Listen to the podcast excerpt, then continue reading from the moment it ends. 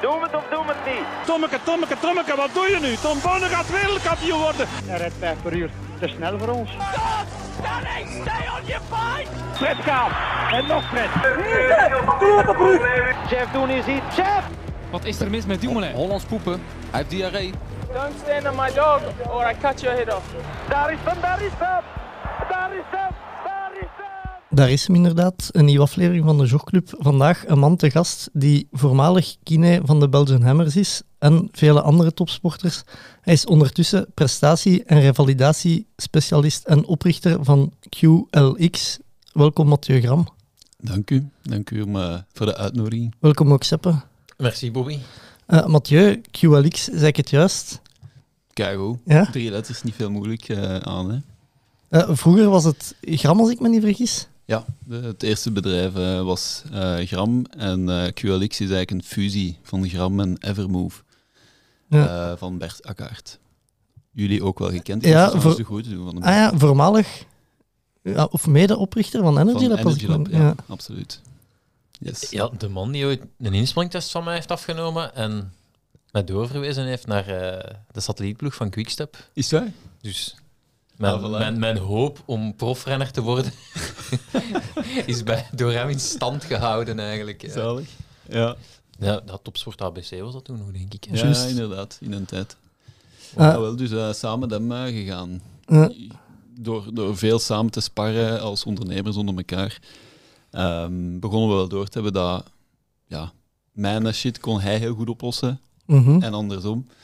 En meer en meer begon het allee, duidelijk te worden van, ja, dat Bert daar met een oplossing kwam dat ik zei, ja Bert, eh, kun jij dat niet gewoon doen? Ik zal ik wel betalen. Mhm. En uiteindelijk dachten we, ja, kom, als we dat nu samen gooien, dan gaan we... een- We hebben helemaal dezelfde visie. En dus we doen het op een heel andere manier, maar die twee samen was een, een logische stap eigenlijk, waardoor dat volgens mij de impact van wat we willen bereiken veel, veel groter wordt. Samen dan Gram alleen en Evermove alleen. Dus het was een Eh, voor, voor de luisteraars, wat doen jullie juist? Eh, QLX, is een, ehm, QLX staat voor Quality of Life Experience. Omdat het gaat over uw ervaring van kwaliteit van leven eerder dan een of andere definitie die een of andere persoon zet op kwaliteit van leven. Ehm, en wat wij doen is, wij gaan eigenlijk ehm, science, technology en creativity gaan wij mergen in transformatieve ervaringen om mensen een beter begrip te geven over hun eigen systeem, over human development. Hoe, dat, hoe, hoe, functioneert je als persoon in de totaliteit? Want pas als je iets echt begrijpt, kun je het ook effectief, kun je ermee werken, kun je er iets mee doen. Je kunt geen kanker bestrijden als je niet weet dat je hem hebt. En op dezelfde manier, dat is eigenlijk de manier waarop ik altijd met atleten ook gewerkt heb, intuïtief. Bert is een architect die kan mijn intuïtie heel goed in een systeem zetten. Waardoor dat we er veel meer mee kunnen doen en dat er veel meer mensen ook eh, toegang toe, toe krijgen. Dat is een beetje in een nutshell. Mhm. Oké. Seppe, zit nog mee? Ja, nee, ik ben mee, want eh, het moeilijk was, ik, ik schrijf altijd zo de, de in- introtekstjes en, en Bobby, maar ik heb aan dat van u toch wel een half uur bezig geweest, omdat ik dat niet goed in twee, drie zinnen kon, kon gieten. En meestal redt Instagram mij dan, want ja, dan zegt je zelf dat van was een teleurstelling. Hè? Want dat was inderdaad een teleurstelling. Ja, dus ik, ik, ja, ik heb het op eh, Twitter een vertaling ge- gegeven met, eh, en, en daar het. Want eh, hoe omschrijf je, als ze u vragen, wat doe jij voor job? Wat zegt jij dan? Vandaag zeg ik, wij helpen mensen bewust worden van zichzelf. Oké. En daaruit komt quality of life experience en daaruit komt performance en impact. Ja, De, wat ik met Pieter doe, is puur dat. oké. Dat is eigenlijk Pieter bewust maken van zichzelf. Zijnde van heel zijn systeem, van zijn capaciteit en van hoe dat, dat draait, hoe dat, u, hoe dat uw systeem eh, in elkaar steekt, onderbewust en bewust. En hoe meer dat je van je onderbewuste bewust wordt, hoe meer dat je iets mee kunt doen. Ja. Want voor de mensen thuis, je hebt het nu zelf al gezegd, maar jij bent eigenlijk de man die onze vriend Pieter, eh, ja, zoals dat Seppen en ik het zeggen, wat gereanimeerd heeft eigenlijk. Hè? Eh, Mooi, mooi gezegd. het, is, ja, het is misschien kort door de bocht en zo, maar ja, ik, ik weet nog dat een jaar geleden ongeveer de Pieter stu- stuurde naar ons Seppen dat hem met u contact ging opnemen Ja. Ehm, Ja, dat was na Kona, denk ik. Of, Ja? of hij zat nog in Kona, denk ik, dat hem, toen hem stuurde. Ik, Ja. denk, ik denk ook dat Jolien eh, daar voor iets tussen zat. Dat ze, ik denk dat zij mij zelf had gestuurd. eh, de Pieter moet u sturen. ah ja. Van, eh, volg dat op dat hem u stuurt. Ja. Als in, Nee, klopt. Ik ben, er, ik ben er toen mee gaan lopen en hij was dat toen ook aan het vertellen. En ik was dan ik- destijds nog naar de, de website van, van Gramme geweest. En ik, ja, ik, ik zei altijd tegen Pieter, ik zei, maar wat gaat je juist, wat gaat je concreet doen? En hij kon dat ook nog niet echt, ja, was nog niet langs geweest, hij kon dat ook nog niet echt uitleggen. Ehm, maar goed, ja, het, het resultaat is er. Dus dacht ik, we kunnen hem beter uitnodigen. Het zelf vragen, wat, wat, wat, wat, wat doe je er juist mee? Ja, dat is, eh, dat- is inderdaad moeilijk uit te leggen. Dat is niet wa- wat ik met, met de Pieter doe, ehm, of met, met een paar andere atleten, met, met bedrijfsleiders onder andere ook. Ehm, dat is eigenlijk naar uw totaliteit kijken zonder dat er grenzen zijn. Dus ik ga niet de psychologie pakken en de psychologie aan zich naar voren duwen. Alles heeft, psychologie heeft een bepaald framework. En iemand heeft gezegd, dit is psychologie en vanaf nu is psychiatrie. En vanaf dan is het celbiologie en vanaf dan is het kwantumfysica, whatever. Ja, Dat zijn bepaalde grenzen die ook maar arbitrair zijn. Er is iemand die dat gezet heeft. En mijn, mijn manier van, van leven, zou ik zeggen, of zelfs van redeneren, hoe dat mijn kop werkt, is dat ik die frameworks niet meer wil zien. Ik, ik negeer die en ik maak daar een soort van soep van ja, inzichten uit, de fysica, even goed als uit celbiologie of neurologie of psychologie. Ik mix dat allemaal samen en dan ga ik ja, in gesprek met iemand zoals Pieter, die een bepaalde droom heeft en die voelt dat hem dat niet gerealiseerd krijgt, omdat er bepaalde blokkades zitten. Ehm, wat ik met, met die mensen doe, is ik leer die niks nieuws. Hè. Die weten alles al, maar die zien niet dat ze het al weten. Die snap, dat is onderbewust. Ze zijn niet bewust Ja. van wat dat ze weten. En het enige wat ik doe, is uh, ik maak ze bewust van zichzelf. Dus ik moet niks doen, ik moet die niks bijbrengen. Ik maak daar niks van. Daarmee gereanimeerd is eigenlijk nog niet zo slecht gezegd in de zin van ik heb er niks bij toegevoegd of zo. Ik heb juist de laagjes afgenomen, waardoor dat de echte Pieter naar boven komt. En dan krijg je dat. Maar ik ben echt blij dat je zegt, dat is goed gezegd. ja. Oh ja, soms zijn Seppen en ik een beetje gestampte boeren, zoals dat ze zeggen. En kunnen we het moeilijk omschrijven. Daarmee goed dat je het zelf uh, ja. wat toelicht. Ja. Ja, het is, het is echt een uh, uncovering. Ja. Het is, het is, allez, ik denk dat dat het belangrijkste is. En bij atleet of, of, of business of allez, gewoon de normale mensen ook. Hè. We zijn, uh, ik, om het heel mooi te zeggen, ik, ik wil mensen wakker maken met betrekking tot de realiteit van hun grootheid. The reality of their greatness. Uh -huh. Mensen moeten daar naar wakker... They have to wake up to the reality of their greatness. Omdat iedereen heeft iets unieks. En als je dat uitspeelt, dan, dan zijn ze uncomparable. Dan, dan zijn ze onvergelijkbaar. En je kunt dat in elke industrie of in elke discipline tot uiting brengen. Als je vanuit de juiste intentie vertrekt. Ja. Lukt dat bij iedereen? Zijn er ook dingen waar je... Allee, de, de Peter vind ik al, vind ik al een moeilijke keuze. ja, en, ik, ik vind dat vooral omdat... Ik heb, we hebben ooit samen uh, de 70.3 van Sable d'Olonne gedaan. En de, de, Peter die was echt in, in blakende vorm. En je, ah, je, je dat gewoon. En we doen die wedstrijd en hij ligt op kop. En ik, werd juist gedubbeld. Ik begon te lopen en hij had één ronde gedaan. Dat waren rondes van 7 kilometer. Dus en hij dubbelt mij. En op die moment ook komt Rudy van Berg. Komt daar eigenlijk bij. Die de tweede was in de wedstrijd. Dus dat maakte dat we met drie... Ja, ik liep niet echt op kop, maar ik liep toch mee met hun. En ja, je zag dat Pieter ja, zijn kop liet hangen. Ik kan, ik kan het niet anders omschrijven. Ja. En, en niet, niet, niet vocht, wat dat bij mij niet. Dus ik dacht, ah ja, wat moet ik, wat moet ik doen nu om hem... Dus ik dacht, ah ja, wat werkt er voor mij? Ik ga die uitscheiden. Ik ga, ik ga even... Ik ga even... ik ga me even kwaad maken. Ja, dat, dat werkte niet.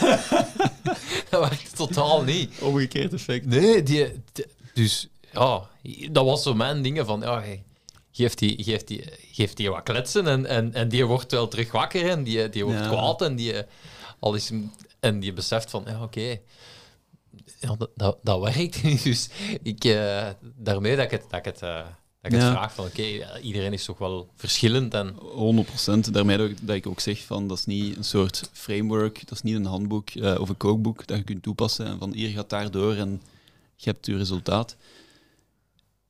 Dat is eerder een, een, een je hebt een zeker niveau van eh, een niveau van bewustzijn nodig om daar in te duiken. Je moet openstaan om naar binnen te duiken, zijn naar jezelf te kijken en jezelf in vraag te stellen, maar effectief jezelf, je- de kern.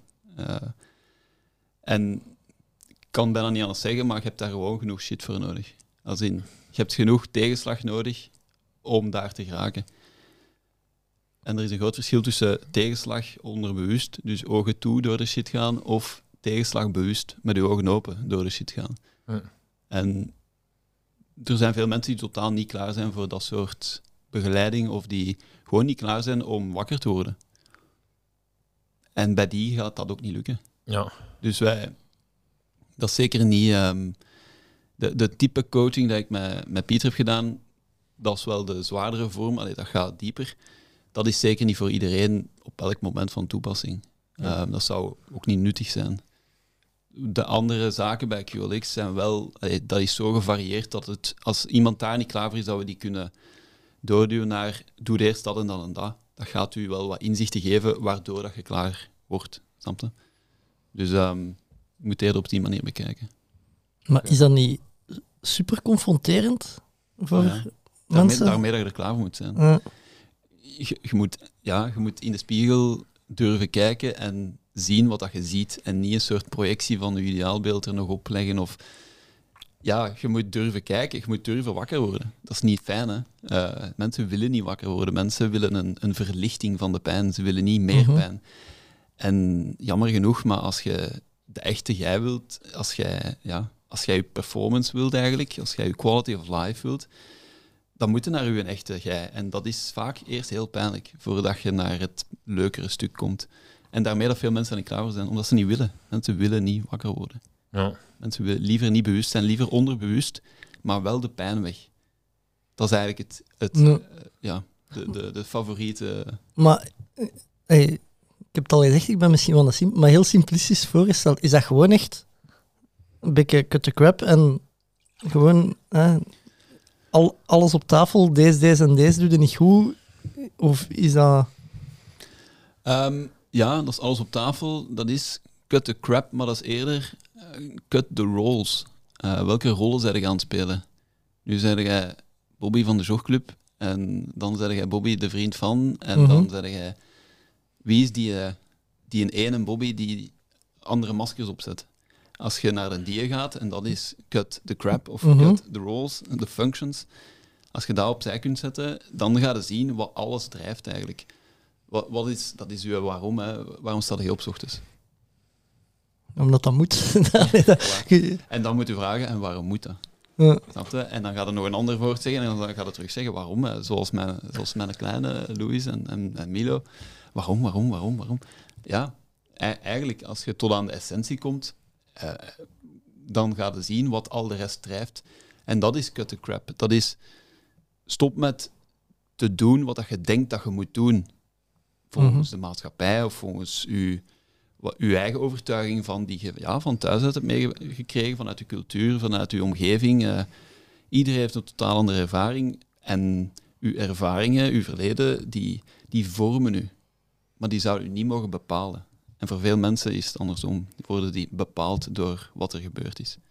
En dus ook, eh, ik zie daar terug de Ironman hangen, een Pieter, wat hem heeft gehad als ervaring, ja, dat kan ofwel hem volledig nekken, dat kan hem volledig ja, uit, uit de profsport duwen of uit zijn droom duwen, of dat kan juist zijn een unieke, zijn een USP zijn, Mhm. zijn een unique selling proposition om zijn droom te halen.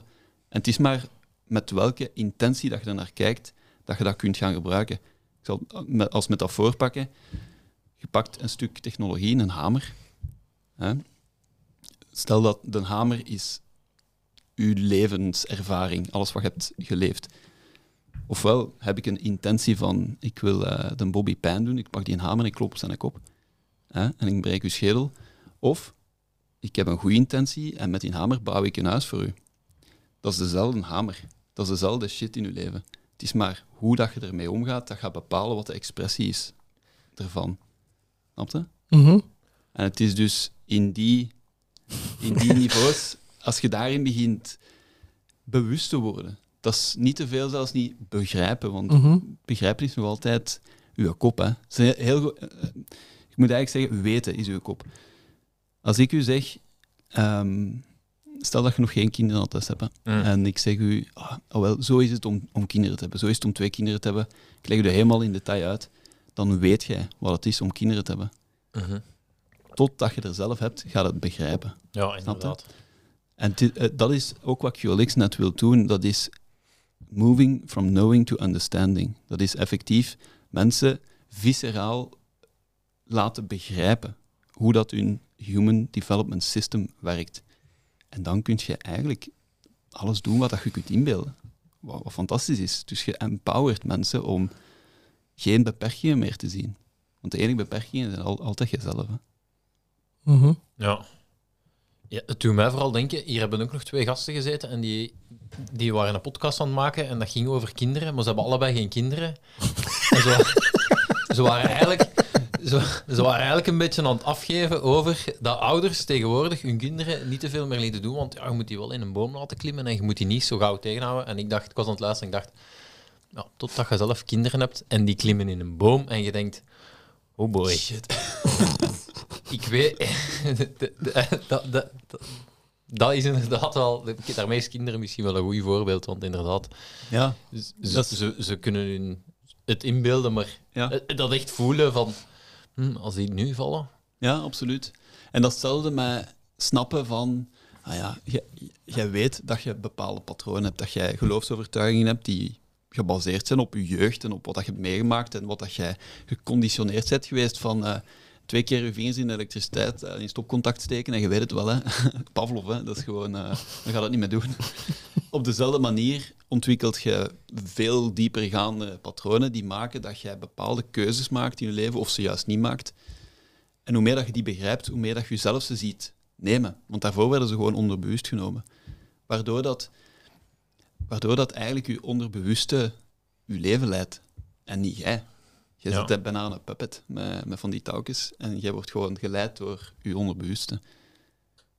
En dat is eigenlijk wat ik, wat ik jammer vind, dat, dat, dat denk ik niet genoeg mensen zich bewust van zijn. Omdat heel veel mensen onder hun eigen potentieel leven. Ja, ja daar daar kan ik me iets van voorstellen. Eh, Is die, is, die, is die verandering altijd heel groot? Of is dat verandering dat ook de, uw omgeving merkt? Of is dat vooral... allee, ja, bij Pieter, we merken, we merken het verschil wel, maar ik kan me ook inbeelden dat het alleen voor de, voor de persoon zelf misschien... Die is, ehm, je moet dat zeker niet altijd zien in het, eh, op het fysieke vlak. Zijn de, de dingen dat je kunt zien, ruiken, proeven, voelen. ehm, dat is soms ook bij iemand een verandering waarbij dat er langs de buitenwereld te observeren niks verandert. Maar hoe dat die persoon alles ervaart, is totaal anders. Ja, Dus die kunnen exact dezelfde keuzes maken, exact dezelfde dingen doen, de gewoontes behouden, maar die storen zich er niet meer aan, misschien. Snap? Dat kan ook. Maar vaak, als, als ze door zo'n tra- traject gaan, dan is er wel een grote shift. Ik heb, ik heb van alle mensen gehad, eh, ik heb ook al mensen gehad die 14 jaar specialiseren in een bepaald beroep, waar je dan de hyperspecialist bent en die, eh, ja, een beetje ironisch genoeg dan, uit dat beroep stappen.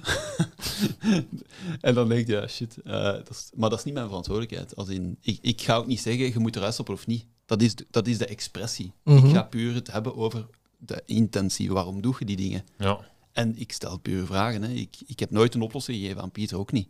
Ik geef bepaalde inzichten of ik, ver- ik, ver- ik vertel een ander verhaal om een punt duidelijk te maken. Maar het is uiteindelijk de persoon tegen wie dat ik spreek, of die dat de ervaring ondergaat eh, in QLX, want dat is niet alleen ik, ik natuurlijk, die daar zijn eigen verhaal van maakt en zijn eigen expressie aangeeft. En dat is ook het sterkste. ja. Want anders ga jij, stel dat ik met, met u in gesprek ben en ik, ik kom met van alle oplossingen, dan zijn dat mijn oplossingen. Maar ja. ze moeten van u zijn om effectief met een intrinsieke motivatie tot een, tot een goed einde te komen. Ja.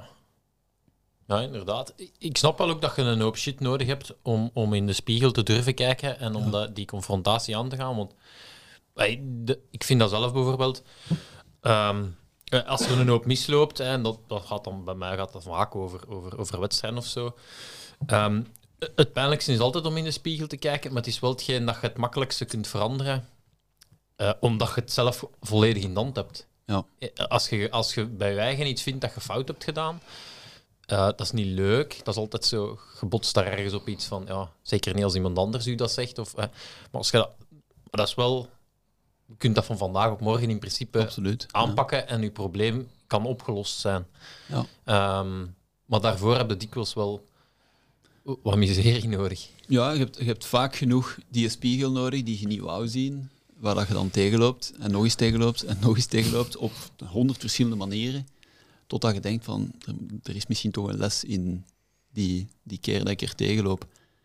De, een schoon gezegde is iets in de trend van ehm, als, je, als je een repetitief teleurstelling of tegenslag hebt, is dat vaak een, een, een fout geformuleerde vraag. Dus je moet je vaak eens jezelf de vraag stellen, als je zo blijft tegenslagen krijgen, moet je eens, allee, eens even Ja. denken en zien van, oké, what, what, what am I not seeing? Ja. Wat is hier eigenlijk aan de hand dat ik gewoon niet zie? Ja. ja. Ik herinner me een ploegmaat die acht keer op een jaar viel en daar nooit iets aan kon doen. En dat wij ook zeiden van, Er moet iets...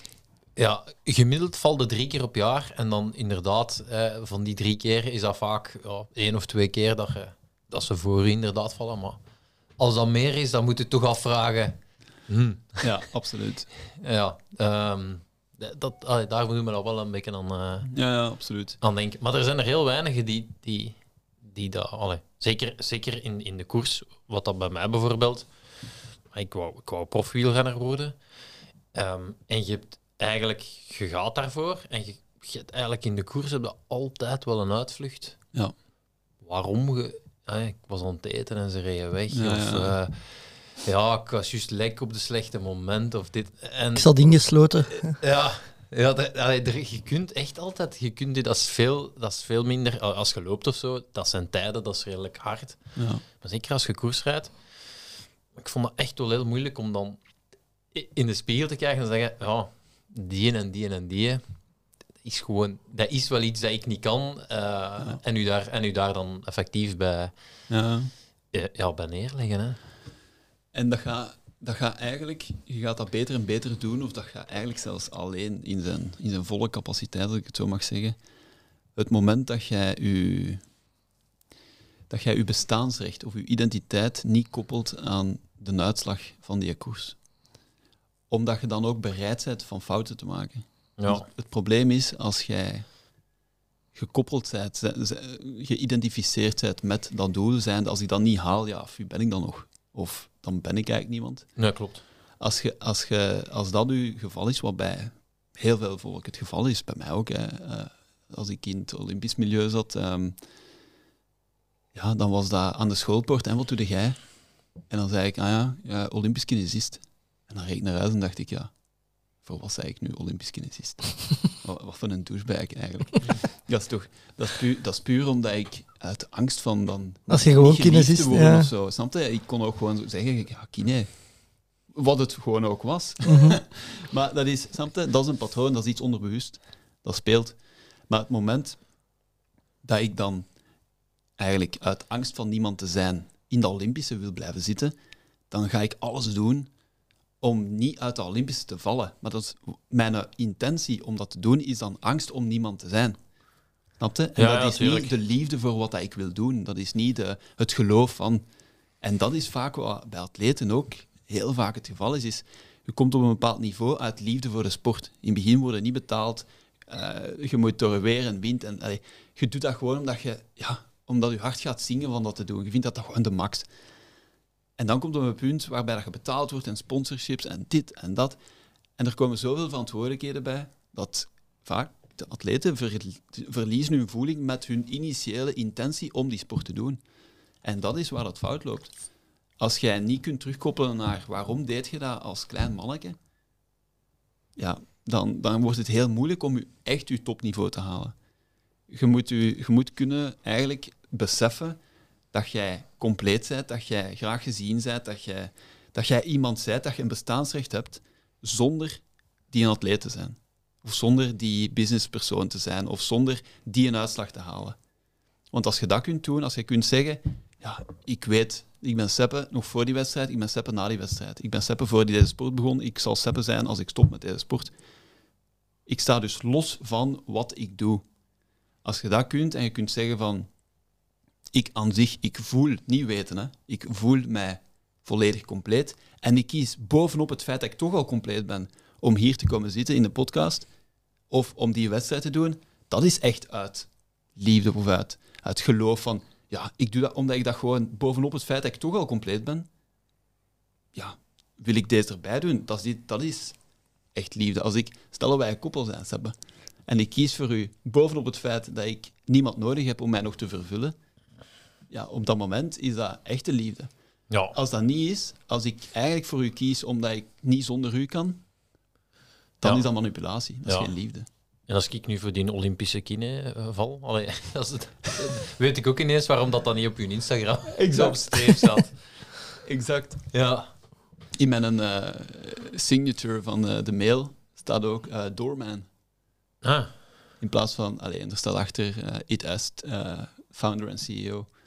Of co-founder nu. ja. Omdat ik ook een beetje de boodschap wil geven aan ook de, de, de leiders. Eh, allee, dat is maar een job, hè. Dat is niet uw identiteit. Het is niet omdat je CEO bent dat je ineens iemand meer of minder bent. Uiteindelijk, CEO's, dat zijn mensen die de deur open doen voor hun mensen. ja. Snap je? Dat zijn de portiers. Maar dat is, allee, vandaag de dag is het toch wel redelijk gangbaar om een klein beetje uit te pakken met uw titels. En, allee, als ik LinkedIn zie, dan, dan denk ik altijd aan mij. Wat een shitshow. Maar daar, daar zeg je het goed, van een shitshow. Allee, of van een scratching the surface. Dat, Mhm. dat, dat, dat, dat wil niks zeggen, hè. De IR of de DR Nee. of de PhD of de... Ja, wat zegt dat over die persoon? Dat zegt, over, dat zegt wat die persoon gedaan heeft. Maar dat zegt niet wie dat die persoon is. Mm, Ja, Hetzelfde als, als je vraagt in, in, zo'n groep van mensen die elkaar niet kennen, zegt dat stelt elkaar eens voor. Ah ja, ik ben Mathieu en ik ben Olympisch kinesist. ja, ik, Snap je? ja, ik ben Sap en ik ben country manager. Ja, voilà, voilà, exact. Exact. Bobby. Ik zeg altijd aan een PhD, een, een PhD kies. ik zeg al, ik heb een PhD. Ja, you get the point. Ja. Ja. Ik ben helemaal akkoord. Allee, ik vind de titels... Ja, ik zie, de, ik zie er de relevantie niet van in. Integendeel, ik vind zelfs dat dat u verder duwt in uw identificatie met iets, iets wat dat je doet. Dat is niet wie dat je bent. Heel groot verschil. Ja. Ja, ja. Ik heb nog wel nooit podcast host gebruikt. Bobby, jij? Als je je een- voorstelt, ik ben podcast. Ah, nee, nee, nee. Ik, Dat zou echt... ik durf dat zelfs vaak niet te zeggen, omdat dat zo als iets te hip aanschouwen wordt of zo. ja. Ik weet dat niet. En, eh, ik denk dan altijd... Ja, je je moet niet... Ik denk dat je moet niet uitpakken met wat dat je doet. Hey, zo, gelijk, ja, alle vrienden die ik heb, daarvan kunnen zeggen, ah, die doet dat, die doet dat. Ja. Maar uiteindelijk zijn ze gewoon blij dat die cat die komt helpen. Als hier een betonnen muur moet afgebroken worden. Ja, ja, en je bent met die cat bevriend Ja. en niet... Niet met wat hem doet. Ja. Ja, absoluut. Dat is het. Dat is het helemaal. Hey, Seppe, met u ben ik bevriend omdat je duathlon, eh, duatleet bent. Ja, maar voor niks anders. bij, mij is, dat- bij mij is dat raar, want als mensen mij vragen wat ik doe, dan... Ik verplicht me eigen om een beetje te zeggen, ja, je moet zeggen dat je triathlon doet. Eh, want Ik heb nu 12 Ironmans gedaan. Maar toch is dat altijd triathlon. Maar eigenlijk ook vooral duathlon. Ik, ik durf dat toch niet volledig eh, claimen of zo. Dat je het triathlon doet. Ja, ja. Omdat ik me, met mezelf geen goeie- goed genoeg een triatleet vind, denk Ja. ik dan. Hè. Maar dat, dat is eigenlijk in dezelfde richting. Allee, dat is in een andere richting hetzelfde. Ja. Dus uitpakken met uw titel of uw titel ondergraven, dat is uit hetzelfde patroon. Hè. Dat is, het ene Ah, ja, superiority complex, het andere is het inferiority complex. Maar beide komen vanuit uw... Niet, niet vanuit uw kern, maar vanuit iets wat je gelooft dat je moet zijn. Mhm. Ik geloof dat ik niet arrogant mag zijn. Waarom? Omdat je wilt dat de wereld u graag ziet. Mhm. Maar dat, dat, dat staat los van dat jij arrogant bent of niet. Want arrogant zijn is niet wie dat je bent, dat is wat dat je doet. Het enige verschil tussen, misschien wel een extreem voorbeeld, maar tussen terroristen en de, de zogezegde saints, dat is niet, de- het verschil is wat dat ze doen, niet wie dat ze zijn. Het zijn allemaal mensen, die hebben allemaal een geloofsovertuiging en die functioneren vanuit die geloofsovertuiging. En de mannen van Hamas, om het nu over het laatste Ja. nieuwe te hebben, die doen dat uit overtuiging dat die iets goed doen. Hè? Ja, ja. Snapte? Die in hun ogen zijn die de wereld aan het redden. En allee, helemaal terug naar Hitler, die had hetzelfde gevoel. Hè? We zijn de wereld aan het zuiveren. Wat, wat totaal absurd is, of, Mhm. of, of lijkt vanuit ons standpunt. Maar dat, dat is mijn punt. Het, allee, het is weer al wie dat je bent, vanuit welke intentie dat je vertrekt. Ik vraag me af of dat Hitler hier die een betonnen muur mee zou komen afbreken. Heel, heel snel. Eh, maar Mathieu, iets anders. Ehm, we kennen elkaar al super lang. Ja, super lang. Ja. ja, vroeger, als je klein was, jij kwam bij ons thuis. Eh, Ja, ik denk dat ik mijn eerste joint eh, daar bij u, volgens mij... dat, gaat niet, nee, nee, dat gaat niet bij mij zijn geweest, nee. maar dat gaat in de, nee, nee, dat gaat in de schuur zijn Ah, geweest. want kan. bij ons thuis mocht dat niet en gebeurde dat ook niet. Ja, ja.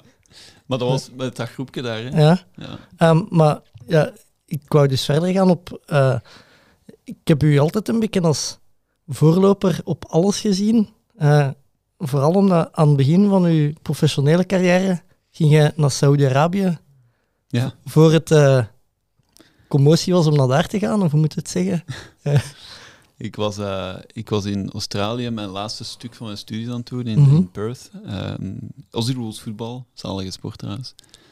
Ehm, en dan eh, was er een Belg in Jeddah, Mhm. al, voor Al Ahli Saudi, voetbalclub. En die had dan via de NIF mijn naam, en, enfin, die hebben mij dan gebeld om dan daar te gaan werken. Ehm, en daar heb ik dan eh, twee seizoenen contract getekend, één seizoen gedaan. eh, en half dat eerste seizoen had de Maarten Thijssen mij gebeld Mhm. om te zeggen van, eh, kijk, ik wil, allez, ik ga weg uit, uit Smak was dat toen nog, en ik, ga, ik, ga, ik wil iets opstarten. De naam Griet bestond nog niet. Maar, ehm, en hij vroeg van, ja, wil je dan meekomen, meekomen bouwen? Ehm, en ik weet nog dat ik toen in de, in de illusie zat dat ik maar succesvol was als ik in het buitenland zat. Ah, ja. Ik had een of ander patroon eh, van vroeger eh, opgepikt. Dus ik was ook vertrokken naar Australië, al mijn bruggen verbrand. Eh, ik had wa- wat jobaanbiedingen en zo hier af, afgezegd van nee, nee, nee, ik ga, ik ga naar Australië en ik ga daar blijven. Hè. Ik kom de eerste 20 jaar niet terug. dat moest zo in mijn hoofd. Ehm, en toen de Thijssen dat vroeg, dan zei ik... Goh, mijn eerste antwoord was, oh wel, overal in de wereld, maar niet in België. Dus moest je het in Kazachstan gaan doen, ik kom direct. Mhm. Want een Thijssen voor mij, dat was voor mij mijn voorbeeld. Hè. Ik, Ja. Toen ik denk, toen ik 14 was, lag ik op zijn tafel in het smak, omdat ik mijn, eh, ik weet niet meer wat ik voor had. Hij heeft mij toen geholpen. Eh, en toen dacht ik, dat, dat moet ik doen. Ja, dat was Ja. LO en kine, en super cool. Eh, dus ja, het feit dat hij dat vroeg was al een huge honor. En ehm, dan, eh ik weet niet meer hoe dat gegaan is, maar hij heeft hem een maand later, denk ik, eh, heeft, allee, had- dat gepusht en dan had, had ik ze al een beetje afgehouden zo. En dan heeft hij me een maand later teruggebeld om te zeggen dat eh, professor Bellemans ook meedeed. En dan dacht Mhm. ik van, hmm. ja, dan, dan begon ik te her- herbekijken waarom, waarom heb ik eigenlijk schrik om naar België te gaan. Mijn, mijn comfortzone was de wereld en mijn panic zone was België. Omge Ja. omgekle- omgekeerde kleppen, Oh ja. Absoluut. Dus als wij zeggen Saudi-Arabië of eh, Leuven, Ja, zou bij mij toch wel het Leuven zijn. Ja. eh. tuurlijk. En eh, terecht toch? dat kan ik je nu zeggen. Hè? ja. Je moet dus shit hebben om het te zien. Nee, of, en zo ben ik daar eigenlijk vroeger weggegaan. Na, na een seizoen ben ik dan teruggekomen voor, voor meer grit dan eh, te doen. Maar hoe, hoe was dat, Saudi-Arabië? Want eh, ik weet dat je daar gezeten hebt, maar ik heb je dat eigenlijk nog nooit gevraagd, eh, hoe dat daar was. En, Zeer eh, ja, paradoxaal. Hè? De, zeer, ja, alles zeer contradictorisch. Dat is zo moderne slavernij toen. Hè? Ja. waren- de, de grenzen waren gesloten nog. eh, ik ben met Lise toen eh, moeten trouwen als ik ze mee wou. Mhm. Dat wisten we niet, dus als twee weken voor vertrek nog snel eh, Dat in orde brengen. Ja, naar in orde brengen, het gemeentehuis, het papier tekenen, zodat ze mee kon. En dat stond- dat toch stond- nog op je knie gegaan. eh. Ah, wel, eh, nee. Eigenlijk toen niet, maar daarna wel. Ah, ja. Op een andere manier. Op een andere manier. Ook een leuk verhaal. nee, maar... eh, en dan stond er nog op haar, eh, haar IKAMA, dat is de residentievergunning. Eh, ik denk dat erop stond, wife not allowed to work. Ehm, omdat ik haar sponsor was, zo gezegd, Ja. omdat ik een job had in het land en dan mocht je binnen. Dus dat was een zeer ehm, extreem land.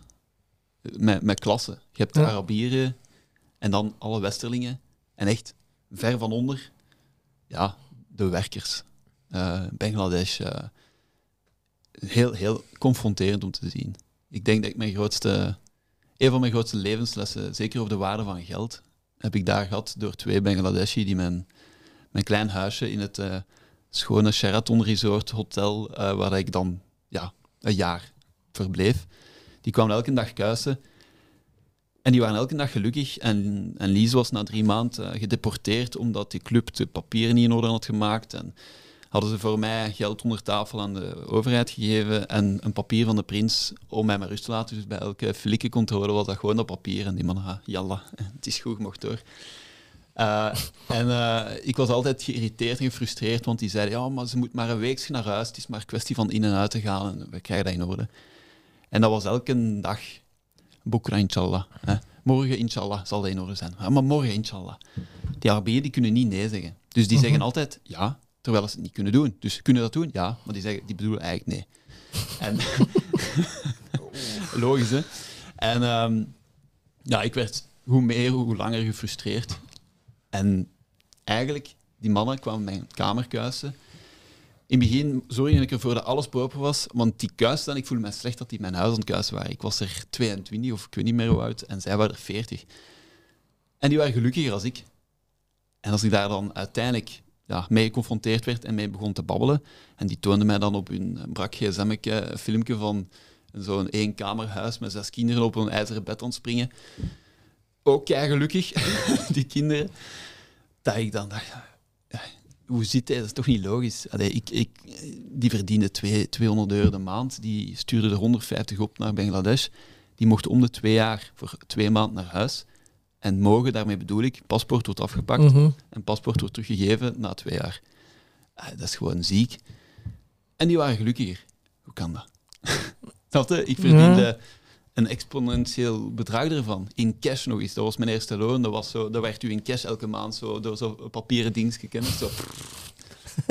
zo, zo kreeg je geld in de zak. Ja, dat was heel confronterend. Zodat je zag eigenlijk dat de waarde van dat geld is niks waard als je het niet kunt delen met, met je naasten, met de mensen die je graag ziet.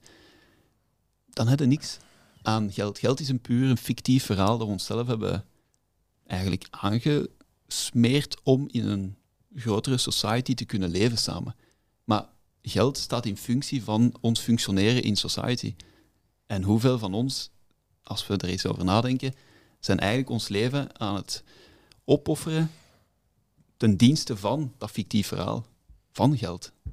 Van corporations, van governments, van... Dat zijn allemaal fictieve verhalen. Zeer nuttig.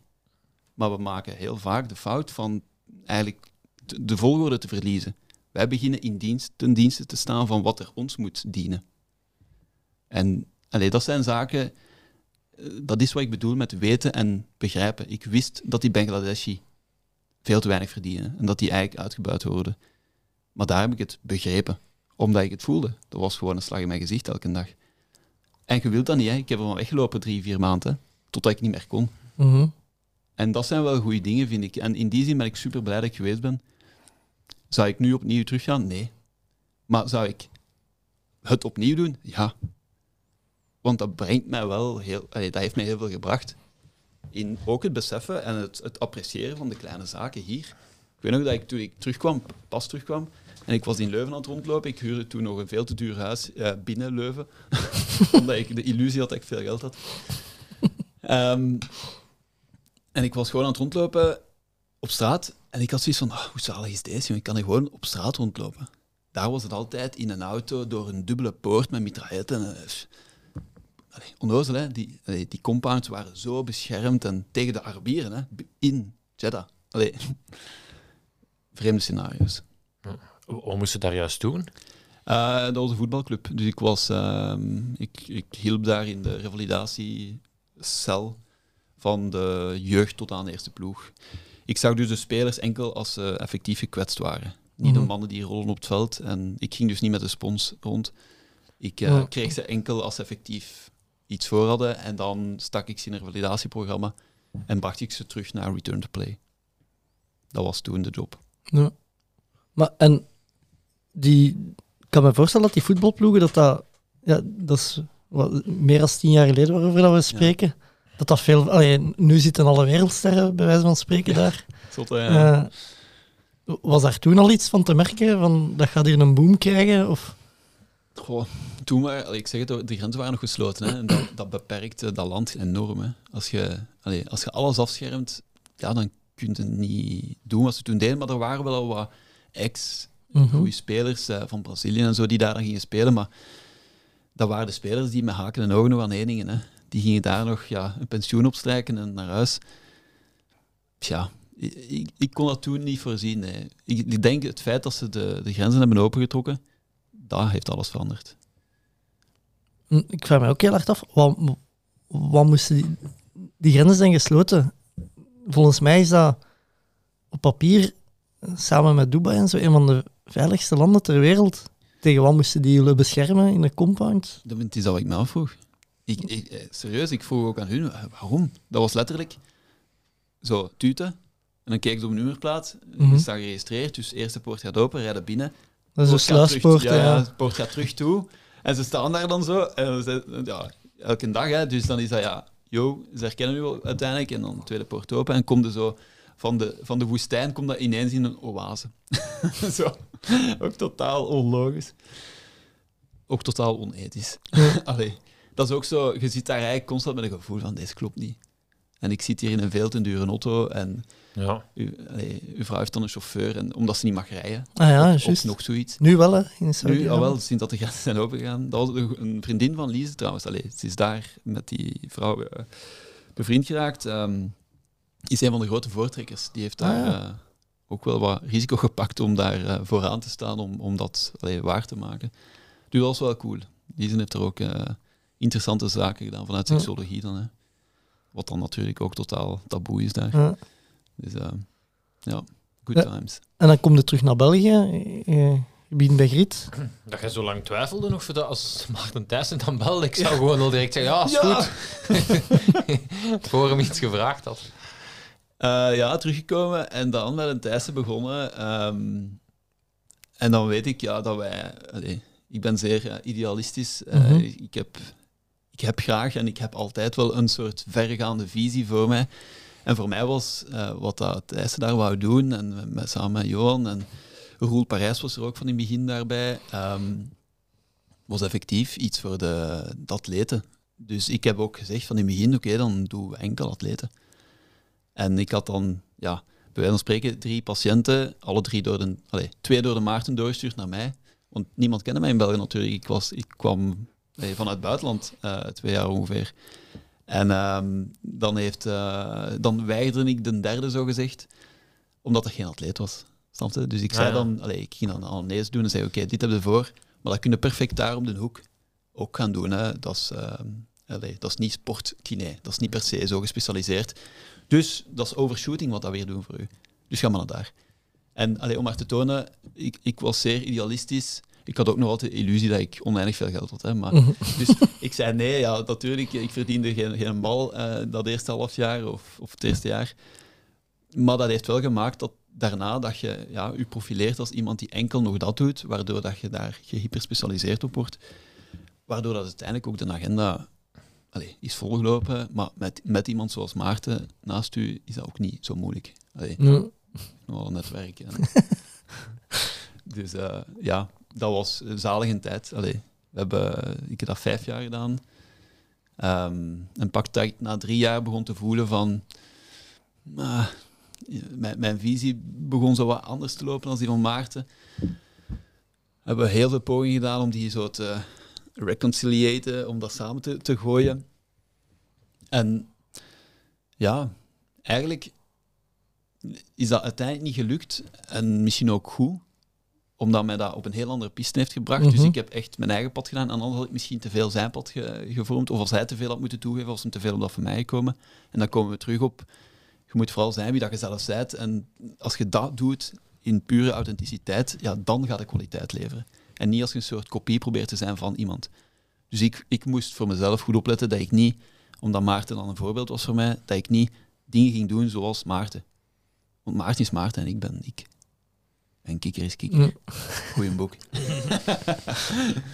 Kinderboek? Of, Ja, eh kinderboek voor de mannetjes. Seppe, Ah. jij kent hem? Nee, nee. Helaas. Eh, nee, dus op die manier. Hoe komt dan Gram tot stand? Ah, wel, dus dat was die, die visie van... Ik, ik had ergens een gevoel van... ehm, we bouwen een gigantische expertise om naar een Olympische medaille te gaan. Eh, we, dan bedoel ik de totale omkadering. Hè. Dat gaat van psychologen naar kines, naar trainers, naar om, ouders en broers en zussen en de totale omgeving. En dan halen we die medaille en dan denk je, is deze het nu? Dat, Ja. hè? Ja. dan denkt je, je hebt, je hebt die dan in je hand. En ik citeer atleten, want ik heb zelf geen medaille gehaald natuurlijk. Hè. Ehm, dan denkt die van, ja oké, eigenlijk verwachten veel atleten, dan ga ik gelukkig zijn. Als ik die, me- die medaille heb, ho, ho, dan ga ik pas gelukkig zijn.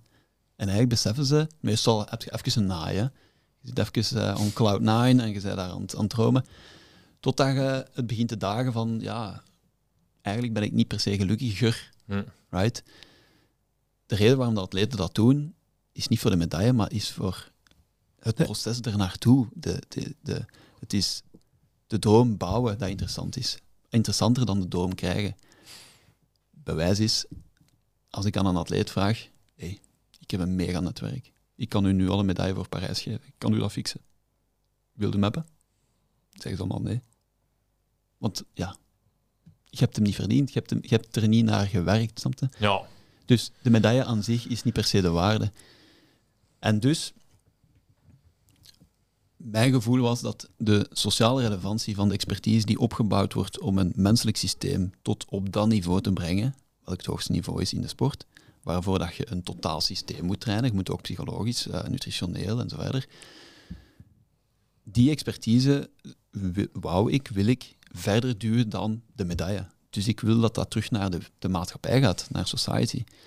En dus ben ik begonnen met een soort trickle-down system te bedenken, waarin dat je de leiders van vandaag injecteert met een andere geloofsovertuiging over leven en presteren. Zijnde, hoe kun je, als, als je iemand naar een fysieke extreem resultaat kunt brengen, dan kun je dat ook naar een cognitief extreem resultaat. Dus of jij nu met je kop werkt, of met je lichaam, atleet versus businessman, zal ik zeggen, je kunt beide naar dat niveau brengen als je maar kunt zien dat het een totaliteit is die interlinked is, dat alles op elkaar werkt. Elke atleet weet dat als hij ruzie heeft thuis, dat hij minder goed gaat presteren. Ruzie thuis is, is, eh, is pijn. Oh, anger is a gift, hè. Ja, voor u wel. Maar bepaalde anger, denk ik vooral. Ja. ja, ik snap wat je bedoelt. En dat is wat je ook wou doen met Pieter toen dat je hem begon uit te schelden. Uh, dat was goed bedoeld, hè. The, the road to hell is paved with good intentions. maar... Um, ja, dat slot voor 2K heeft hem toch misgebruikt. Ja. ik, heb, ik heb hem dan ook nog eens eraf gelopen. Om het er eenmaal in te duwen. Ja, ja, ja, ik werd daar ook kwaad van. Ik werd echt kwaad. Hè. Ik zeg van, je kan toch niet. Kop zo laat hangen. Als jij op, op het mentaal vlak niet in orde bent, dan gaat op fysiek vlak heel moeilijk presteren. Of toch heel moeilijk op je hoogste niveau presteren. Ja. In Australië hadden we zelfs een fulltime uh, klusjesman, de Johnny. En als je frigo kapot was, Johnny. Auto kapot, Johnny. Waarom? Cortisol laag houden gewoon. Cortisol laag wil zeggen weefselherstel omhoog, immuunsysteem omhoog. Konden wij die mannen harder trainen, want weefselherstel was hoger. Die herstelden sneller, konden we meer trainen, advantage naar de competition toe. En dus op die manier ben ik eigenlijk die methodologie of die gedachtegang van een holistisch systeem, uw Human Development System als één systeem te gaan bekijken, heb ik naar de leiders van vandaag gebracht. En dat zijn iedereen die een impact heeft op de maatschappij. En die ook wilt voor, op een goede manier wilt eh, uitdrukken. Dus dat waren veel bedrijfsleiders, artiesten, eh, mensen met een impact op maatschappij, die een positieve verandering in de wereld willen brengen. We selecteerden ze daarop. En zo lieten we er dan acht per kwartaal binnen om die te begeleiden, zoals dat je een topatleet begeleidt, niet naar een fysiek doel, maar naar eigenlijk een ja, kwaliteit van levensdoel. Omdat we weten, als we die QLX omhoog kunnen trekken, dan volgt al de rest. Als de QLX hoog is, dan volgt de prestatie als leider, dan volgt ook de prestatie op je fiets, want die willen vaak dan ook een van een Van zo doen, of een, een of whatever. Maar ik zei nu altijd, je moet niet naar ons komen om de cannibal te doen. Je moet naar ons komen om, omdat je doorhebt dat het het totale plaatje is dat je omhoog moet trekken. En dan zult je een cannibal doen als gevolg. Maar dat moet niet per se je, je primaire doel zijn. Dus dat makes sense. Ja. Eh, moesten die overtuigen of stonden die in rijen te wachten? eh? Nee, nee, in het begin is dat overtuigen. Allee, als je geen naam hebt, eh, ja, dan, dan is het via, via, via. Ik heb eigenlijk puur op referral gewerkt. In de laatste vijf jaar hebben we denk ik een, een het zal ondertussen een tachtigtal ja, klanten, dus artiesten, bedrijfsleiders en zo, eh, door zo'n traject gehaald van, van een jaar, is zo'n traject minstens. Ehm, dus dat is meer, de ene vertelt dat aan de andere en zo. Ja. Op die manier is dat gegroeid. Dus zeer organisch. Helemaal, helemaal niet zo een, een scale-up model of zo. Ja. Ik dacht juist te vragen, is, is het eindig, het traject? Allee, gelijk bij sporters, die een carrière is maar, vaak 10, 15 jaar aan een top als ze chance hebben.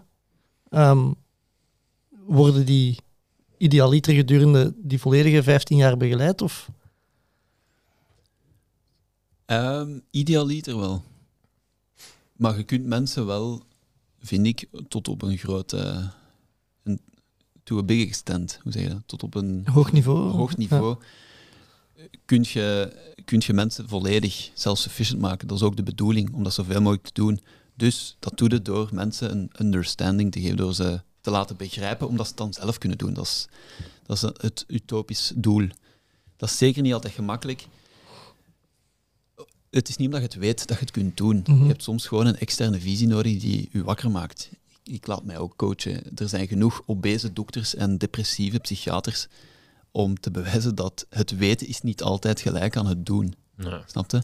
Je moet, allee, soms heb je gewoon externe hulp nodig. De, the world is too complex to strike alone. Waarom niet u laten helpen? Ik laat mij ook helpen. Ik, ik word ook gecoacht. Eh, ook al coach ik mensen, is niet omdat ik zelf Mhm. coach ben, dat, dat ik dat zelf niet meer op mezelf moet toepassen. En dus in die zin geloof ik dat iedereen zich eigenlijk niet, allee, niet... In België wordt dat weinig gedaan, omdat het precies zo wat arrogant is of zo van wow, wow, wow, je hebt een coach of... Allee, snapte? Ik denk dat dat eigenlijk niet per se op die manier moet be- bekeken worden. Dat, dat is voor mij gewoon eigenlijk een, een, een inzicht van... Ja, ik kan niet altijd zeer objectief naar mezelf kijken en het is niet slecht dat af en toe iemand mij even wakker schudt over waar ik eigenlijk mee bezig ben.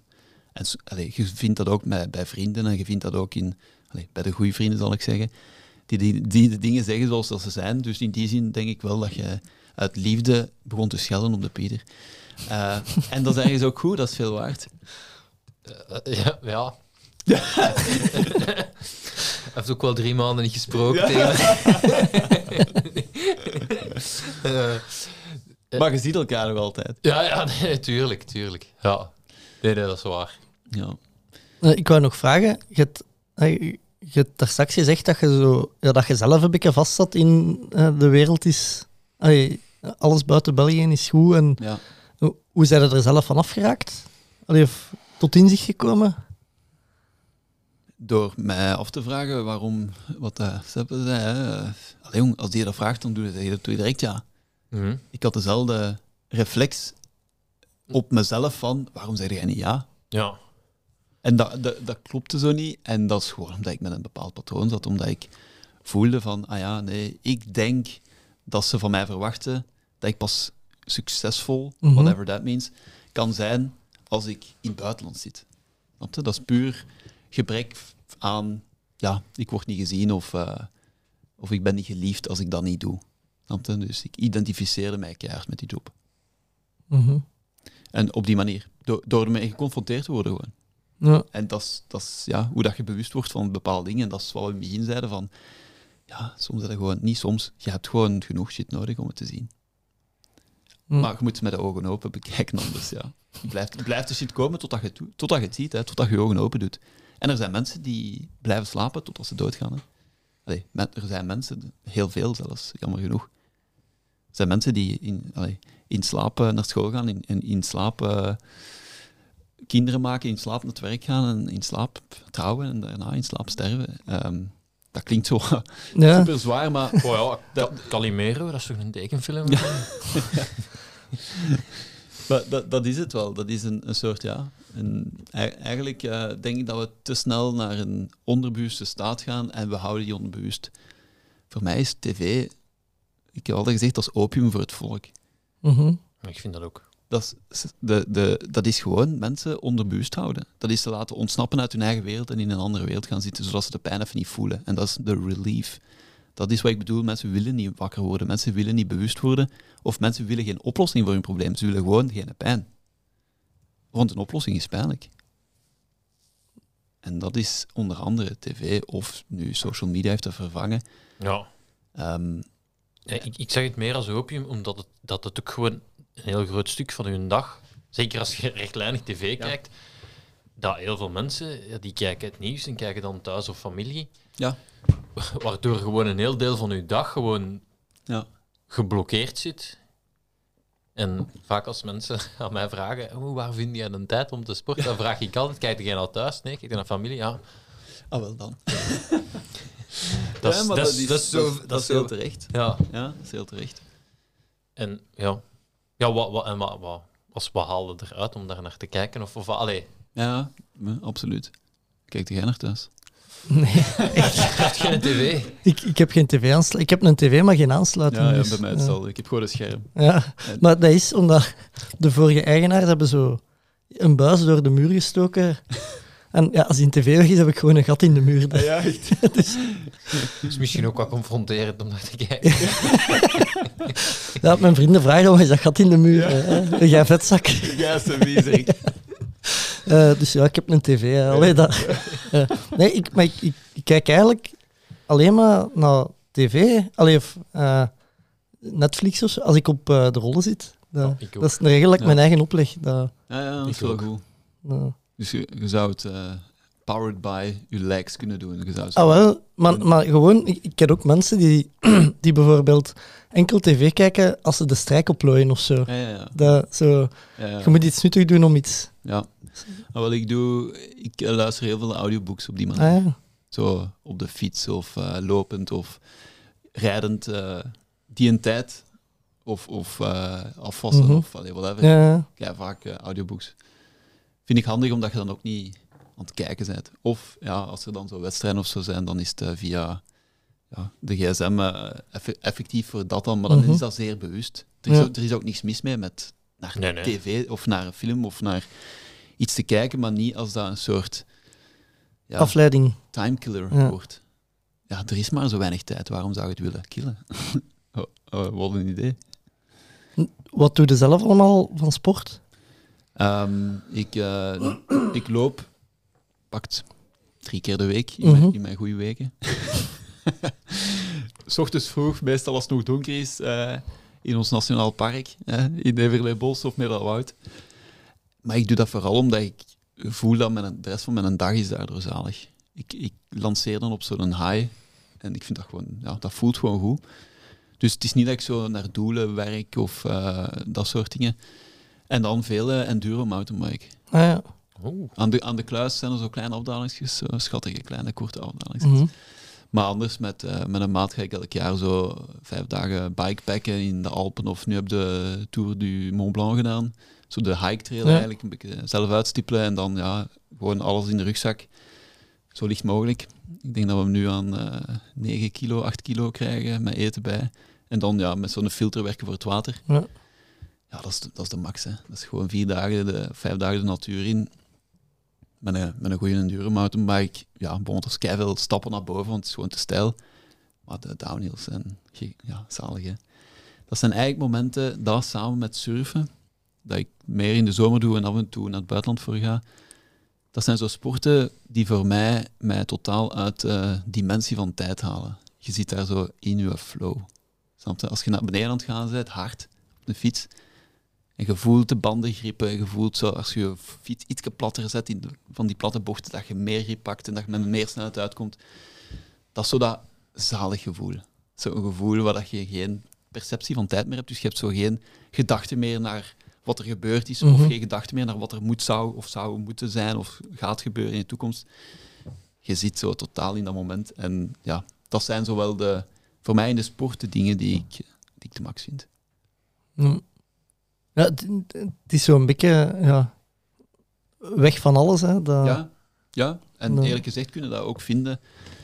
Zelfs in dingen zo- zoals deze, zo gesprekken, interessante gesprekken, of ja, eigenlijk voor mij mijn job. Mhm.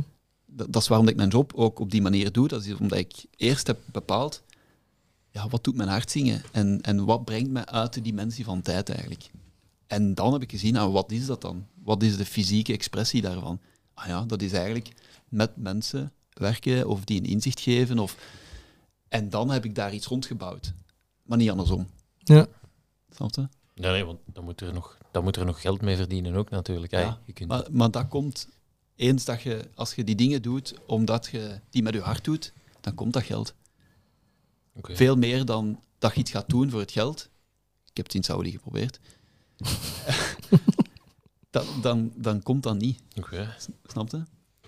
Dat is eigenlijk, dat zou outside in zijn. En het is inside out. Oké. Geld is een resultaat. Dus what you believe drives what you do, and what you do will generate an outcome. And that is what you get. Geld is what you get. Dat is niet iets wat je doet. Snap je? Dat komt uit een, uit, uit een verschillende aaneenschakeling van acties. En die acties die onderneemt je omdat je in iets gelooft. Je gelooft dat jij graag eh, filmpjes maakt of dingen opneemt. Dus dan ga jij als cameraman eh, met een bramveel dan eh, dingen gaan opnemen. Dus je acties komen uit je geloofsovertuiging. En je geloofsovertuiging die komen uit ja, wat dat, je intenties, uit wat dat jij voelt dat je energie geeft.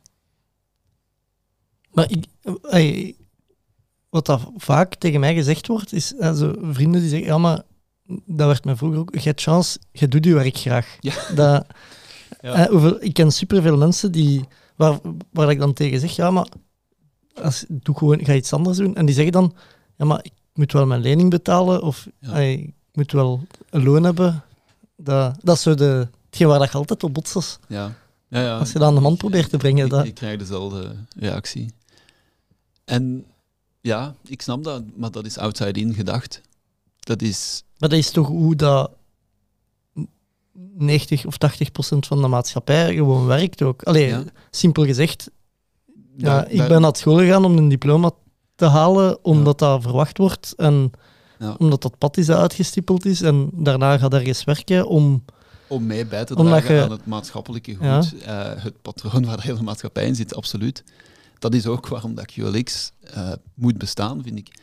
Omdat dat mensen een inzicht gaat geven daarover. Over uw inside-out denken versus outside-in. En er, zijn, er, zou, er zou een gigantische hoeveelheid mensen zijn die een pak minder afzien en veel gelukkiger zijn in wat dat ze doen, daardoor ook veel beter zijn in wat dat ze doen, moesten de mensen hun hart volgen in plaats van hun kop. Dat, dat, is, dat is voor mij de reden waarom dat QLX moet bestaan. En als wij het niet doen, moet iemand anders het doen, maar dat spel moet bestaan. Of Mhm. iets in die trend. Dat is echt waarom. Dus ik, ik kan gerust zeggen dat. Ik kan niet voor Bert spreken, maar ik denk dat hij hetzelfde voelt. Ik doe dat echt omdat, omdat dat mijn hart doet zingen. Omdat ik voel, dat is, dat is de reden. QLX wilt de quality of life experience across the globe omhoog trekken. En dat is geen sales pitch. Dat is puur omdat ik geloof dat dat kan. Als de mensen hun hart zouden beginnen volgen, dan zonder de angst. Want de reden waarom dat mensen zeggen, ja, maar ik heb wel een lening te betalen. Ja, maar voor u is dat gemakkelijk. Ja, ik, heb, ik zit wel in die job en ik zit wel in die job. Ja, dat is zo, je zit in die job. Maar Mhm. waarom? Allee, maar ja, dat vergt weer een bepaald niveau van bewustzijn over zichzelf en dus over de angsten die spelen. De angst van, ja, ik ben niet goed genoeg om zelfstandige te zijn. Of ik zit in die job, want iedereen heeft me altijd gezegd dat ik daarin moet zitten. Dus ik zal er maar in zitten. Superveel mensen die daar gewoon zo in zitten, omdat het altijd zo geweest is. En ik zeg niet dat er iets fout is met job 1 of 2. Het gaat niet over die beslissing, het gaat over die intentie die die beslissing drijft. En hoe meer mensen daar bewust van worden, hoe meer mensen, hopelijk, eigenlijk gaat dat vanzelf komen, de keuzes gaan maken vanuit hun hart en dus vanuit wat ze graag doen. En jij weet ook, als je iets heel graag doet, dan doe je het heel goed. Hè?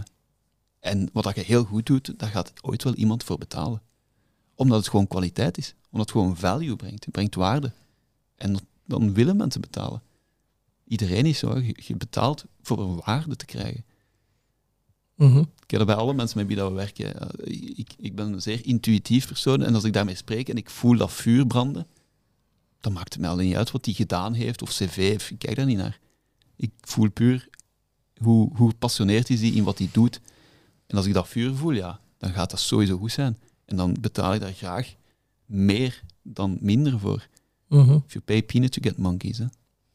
Dat klopt. Dat is waar. Maar als je nu je hart volgt, maar je hebt het talent niet.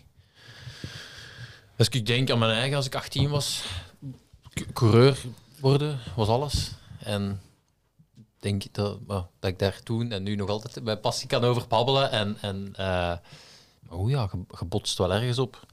Je bent niet goed genoeg om er geld mee te verdienen, natuurlijk. Dus Ja, heel goed punt. Want dat, dat komt vaak voor. Ehm, eh, stel dat ik een, een, een droom heb van turner te worden. Ik Ja. ben een meter 92. Ja, forget it. ringen. Ja, dat is waar. Misschien dan nog. ik zal het andersom zeggen. Eh, iemand van een meter eh, 50 en die wil basketter worden. Ja, forget it. Dus er zijn inderdaad, eh, zeker in de sport, fysieke beperkingen. Maar dan wil ik u challengen van verder te kijken dan de expressie. Dus gaat naar het andere niveau, zijn de wielrenner. Wat betekent dat eigenlijk, wielrenner zijn? Wat is eigenlijk het gevoel dat je krijgt als je die job doet of die ja, professional sport op dat moment doet? Dat gevoel dat je daaruit haalt, op energieniveau dan, Ja. dat kun je ongetwijfeld op andere vormen van expressie ook gaan vinden. Snap je? Ja, ja. En dat is de challenge. Dat is dus niet naar de expressie kijken, niet naar het fysieke niveau kijken, maar terug durven gaan naar het niveau van de intentie, van, van waaruit word je gedreven om dat te doen.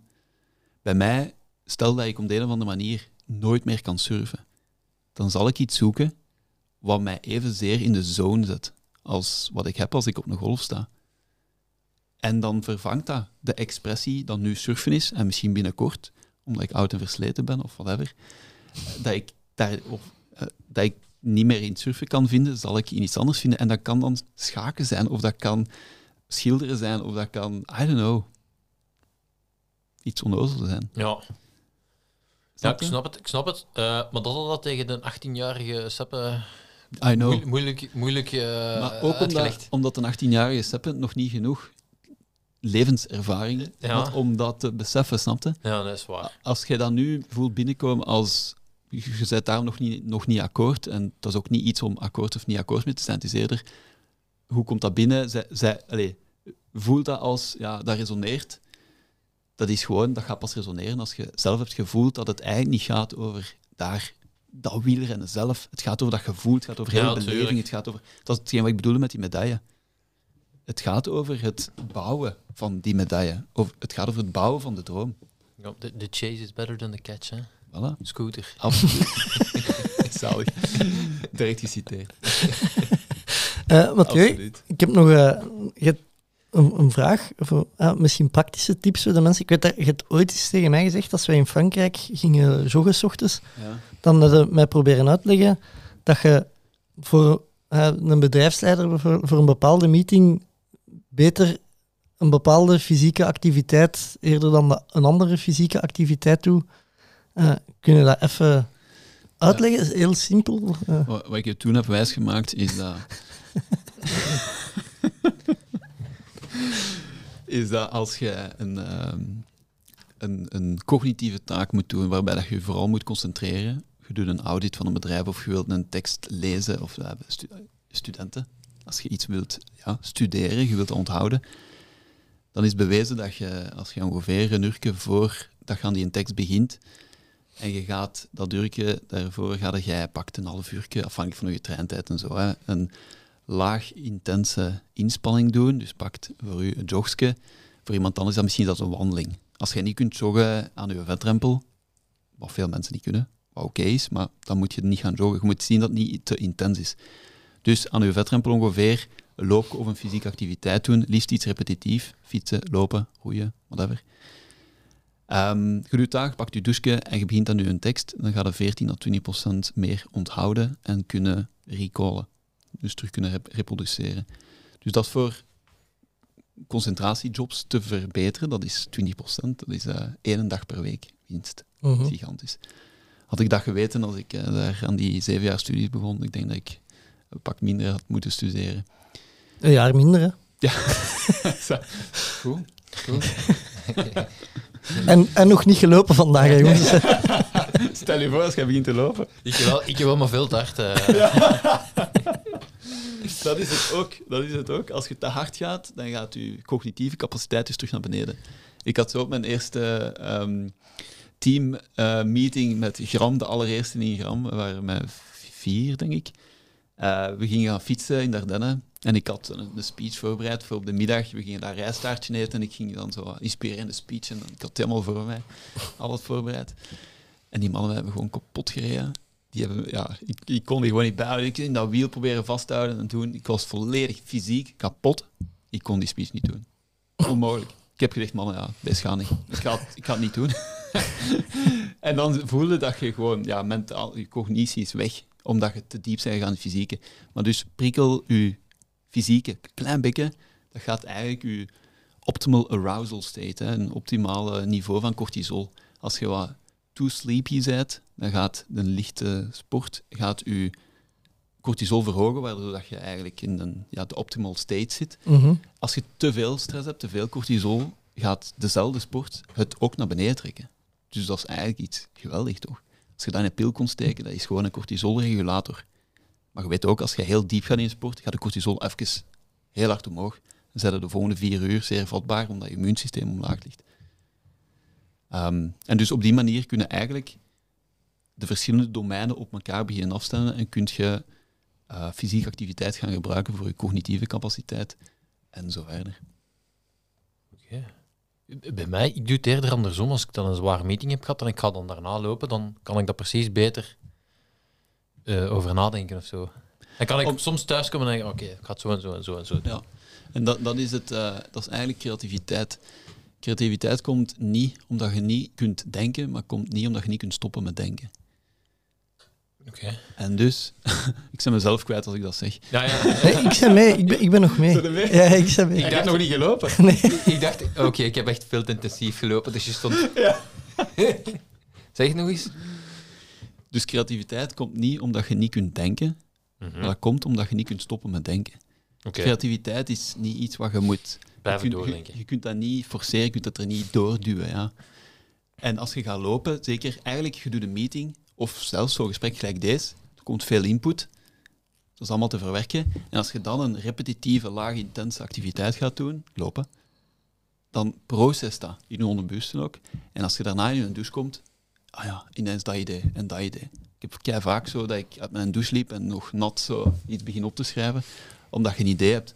En dat is altijd na een bepaalde, allee, voor mij sport, of dat kan ook wandeling zijn, hè, maar liefst iets repetitief. Het probleem is, als je te lang gaat sporten, dan heb je heel veel ideeën, maar tegen dat je dan thuis allemaal bent, terug kwijt. je die terug kwijt en je hebt het niet opgeschreven. Inspreken Voiceberichten, op, eh, hè, ja. Voiceberichten, ja. Zo, zo doe ik dat ook. Ik spreek het voor mezelf in. Ja, Ja. op de fiets, hè, dat ik, ja, dan stop ik wel even eh, en dan even inspreken. Dat is dan, Moeilijk. dat is dan moeilijk voor mijn Strava, Ja, ja. mijn, mijn Steven Kruiswijk coëfficiënt. Eh, Seppen, ik heb voor u ook nog een vraag. Eh, de exacte woorden waarmee dat je Pieter had uitgescheten in Sable d'Olon. ja, ik ben ook wel benieuwd.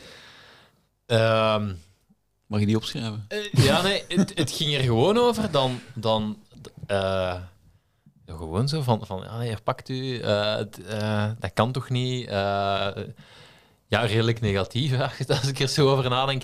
Ehm, eh, wat zou ik hem juist gezegd hebben? Ja, vooral ja, dat het dat met, dat het uit handen geven was. Maar als ik het nu zo zelf zeg, eh, ja, dat had hem op die moment ook al wel door, denk ik. Ehm, Je hebt hem niks gezegd tot hem niet wist. Eigenlijk, dat denk ik niet. Maar die is ook... Dat, dat, dat, die hoorde dat precies ook niet. Dat was, Ja, ja. dat was echt tegen de muur staan roepen. Terwijl... Ik, ik dacht, ik ga, die gaat kwaad worden of, op mij, dat, dat is nooit. Maar dan gaat hem tenminste inzien In dat actie hem- schieten, Ja, ja. in actie schieten, ja. Die Rudy van Berg moet dat ook heel raar gevonden hebben.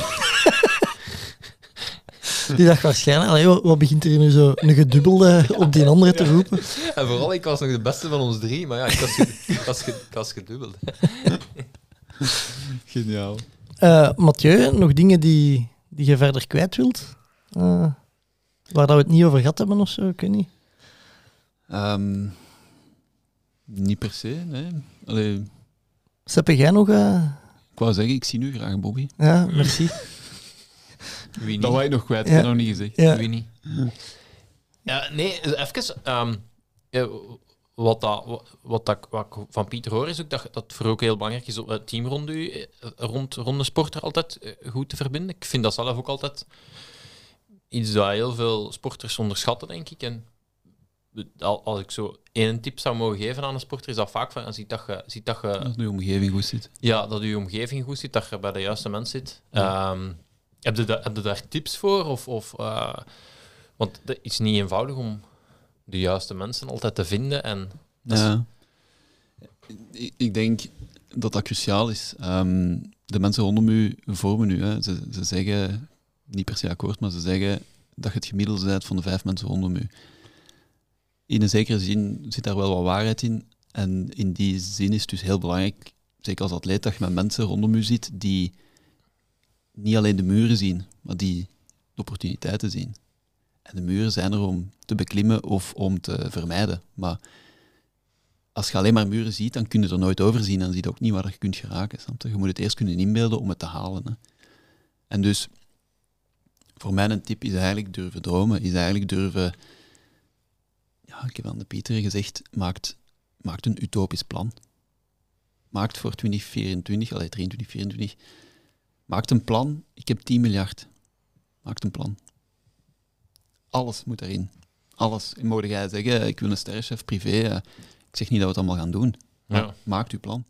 En dus ook welke, welke begeleiding, welke persoon. Je mocht bij naam, welk pak om te zwemmen, hoe dik moet dat zijn, van welk merk moet dat zijn, welke vaseline, welke... Alles, tot in de puntjes. ja. Uw, ma- uw masterplan of uw, ja, uw utopisch plan. Mensen hebben het precies moeilijk om nog te durven. Uit, zoals een kind in totale fantasie te gaan, zonder beperkingen te denken. Dare to dream. Als je dat kunt, als je het kunt zien, dan kun je het halen. Snap je?